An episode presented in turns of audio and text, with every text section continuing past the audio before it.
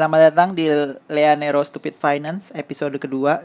Setelah kemarin kita udah memilih pun sekuritas, sekarang kita memilih sahamnya yang mau kita invest dalam jangka panjang dengan metode ditabung. Jadi tiap bulan bakal terus kita invest. Uh, ada empat tahap untuk nentuin sahamnya. Yang pertama itu kita mikirin dulu saham yang kita pengen tuh kayak gimana.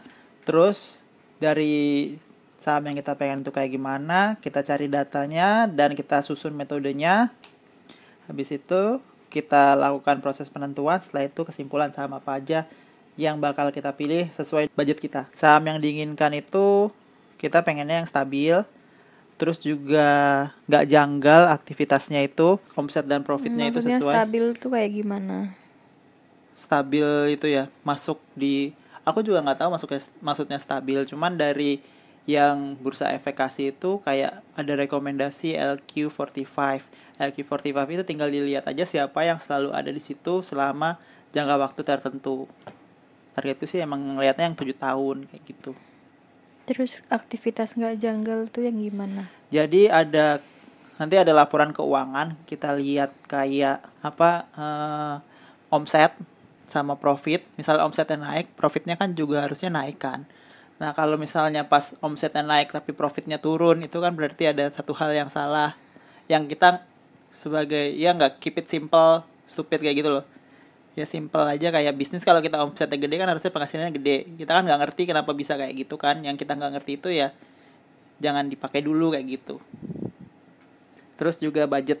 Jadinya budgetnya sesuai sama kita habis itu. Ini data yang digunakan jadi daftar LQ45 2019 dan ini mundur ke belakang juga sampai ke 2009 buat ngecek mereka bisa sampai 10 tahun masuk ke LQ45 atau 7 tahun atau berapa terus-terusan. Terus juga kita lihat laporan keuangannya. Laporan keuangannya juga dapat dari LQ45 itu juga didapat dari websitenya Bursa Efek idx.co.id. Terus budget kita kan kita udah nentuin budgetnya kemarin 5 juta per bulan kan. Nah jadi gini saham yang masuk ke bursa efek itu ada ribuan. Dipilih yang masuk LQ45 sisa 45 pilihan saham. Pilih grafik omset dan net profit yang sesuai itu ya paling enggak sisa tujuan saham lah kurang lebih 7 habis itu kita sesuaikan dengan budget kurang lebih nanti tinggal tiga saham yang bakal kita invest. Yuk kita mulai dengan proses penentuannya. Ini daftar LQ45-nya. Yang kita tahu yang mana nih? Ada Ro sering ya denger ya. Iya, Antam. BBCA, BBNI, BBRI, BBTN. Terus BTN oh, pensiunan itu juga bagus kayaknya. Gudang Garam. Era Jaya, Era Jaya itu jualan handphone handphone itu bukan Era phone ya. Gak tahu. XL jelas ya. Telkomsel iya. mana ya? Ada nanti soalnya ini kan absen dari A B C oh gitu gudang garam HSM hmm. HMS itu HM Sampurna ya banyak lah pokoknya ini yang namanya hmm. yang kita udah kenal ya emang perusahaan yang bagus banget yang bisa hmm. masuk ke LQ45 oke okay. nah ini jadi grafik yang aku maksudnya kayak gini ini kan grafik total revenue-nya yang atas hmm. itu kan hmm. naik nah tapi profitnya turun hmm. ini nggak bisa dipakai yang kayak gini aneh kan ini siapa emang ini ada Oh gitu. Hmm. Jadi kayak uh, jumlah transaksi yang masuk itu tinggi banget, tapi sebenarnya profitnya dia itu menurun. Prosentasenya lebih kecil daripada yang sebelumnya kayak gitu ya. Iya. Kok bisa gitu? Kok bisa gitu? Oh, saya, bentar. Bisa jadi karena justru karena dia nurunin profit margin, akhirnya transaksinya jadi gede. Transaksinya jadi gede. Kenapa rugi? Ya mungkin yang penting biar habis kayak orang jual masker sekarang itu jual masker yang penting oh iya ada yang bangkrut ya yang dua iya makanya sekarang. yang penting habis kayak gitu hmm, kada luarsa gitu ya batu baranya ya mungkin bukan kada luarsa tapi penyimpanannya udah penuh, penuh. Jadi daripada dia nambah penyimpanan, nambah biaya, mending dijual. Terus gimana menurutmu dengan bisnis kayak gitu ya? Jangan dipakai kan? Iya sih, karena lebih riskan ya. Nah ini grafik yang aku pengen tuh ya kayak tiap tahun dia naik ya naik juga pas turun ya dia turun profitnya turun wajar hmm, gitu ini ya jadi bank BCA oke okay. nah jadi yang grafiknya sesuai ini hmm. ada bank BCA ini kamu liatin satu persatu semuanya satu persatu sama grafik gampang kok jadi yang yang nggak yang nggak kamu eh lingkerin itu yang nggak sesuai berarti ben- Iya, beneran iya, aneh gitu. aneh. Kalau enggak banyak merah-merahnya, banyak masuk negatif Oh, negatif, negatif. Langsung hmm, kayaknya serem juga. Apa aja emang kira-kira yang negatif? Banyak yang kayak konstruksi itu banyak yang negatif. Oh. Jadi banyak juga yang tahun lalu nggak masuk, tahun ini masuk kayak gitu. Hmm. Ini juga Lumayan masuk. banyak ya yang masuk. Makanya aku bingung. Masih banyak. Harusnya perilanku 7, tapi hasilnya ternyata 13. Jadi kita pakai lihat di data. Jadi aku eh, ada ada website yang nampilin setiap tahun sampai 2009 siapa aja yang masuk LQ45. Hmm. Nah, setelah itu aku lihat yang masuk 45 dalam 10 tahun tuh ada Bank BCA, Bank BRI, Oh jadi ini tadinya kan kamu nyoba untuk tujuh tahun doang, terus akhirnya kamu per panjang jadi 10 tahun gitu. Hmm, awalnya tadi LQ45 itu kan nggak ada yang tujuh tahun, aku nggak nemu datanya. Siapa yang nampilin selama tujuh tahun belakangan gitu. Misalnya BCA berapa tahun, B berapa tahun, C berapa tahun, aku nggak tahu sama sekali itu kan. Dan nggak ada yang aku lihat, aku nyari-nyari nggak ada datanya. Ya udah aku eh, susunannya aku rubah metodenya. Jadi metodenya aku lihat dulu grafiknya, baru habis itu aku lihat tahunnya. Hmm. Jadi kalau awalnya pengen lihat tahun karena nggak ada yang ngasih data, jadinya aku harus nyari satu-satu kan Oke. data satu dan ini data yang aku hasilin kayak gini jadi bisa dilihat kayak B- Bank BCA, Bank BRI, terus gudang garam itu masuk 10 Oh tahun jadi gitu. pokoknya eh, sekarang untuk kamu filter mana yang paling tinggi ya, paling lama gitu dia. Jadi yang masuk ada BCA, BRI, Gudang Garam. Jasa Marga, Telkom sama Unilever. Oke. Oke. Terus harga per lotnya. Jadi satu lotnya Sekarang BCA itu 2,4 gitu. Hmm, kurang lebih. Oke, oke. BRI 2 juta 250 ribu, gudang garam 500 ribu, jasa marga 350 ribu, telkom 310 ribu, Unilever 860 ribu.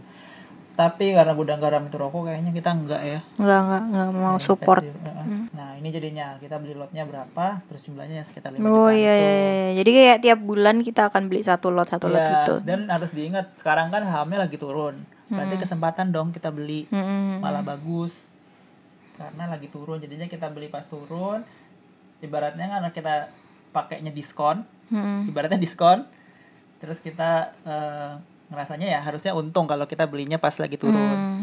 Nah ini kesimpulannya. Jadi eh, apa yang harus kita lakukan dari data yang itu? Yang penting itu konsisten, rutin. Jadi tiap tanggal yang ditentukan itu ya kita nabung. Terus habis itu tenang. Jadi kalau sahamnya turun, anggap aja lagi diskon. Jadinya kita bisa nabung lebih banyak atau mungkin nabung kita malah lebih dikit daripada bulan lalu gitu kan karena diskon.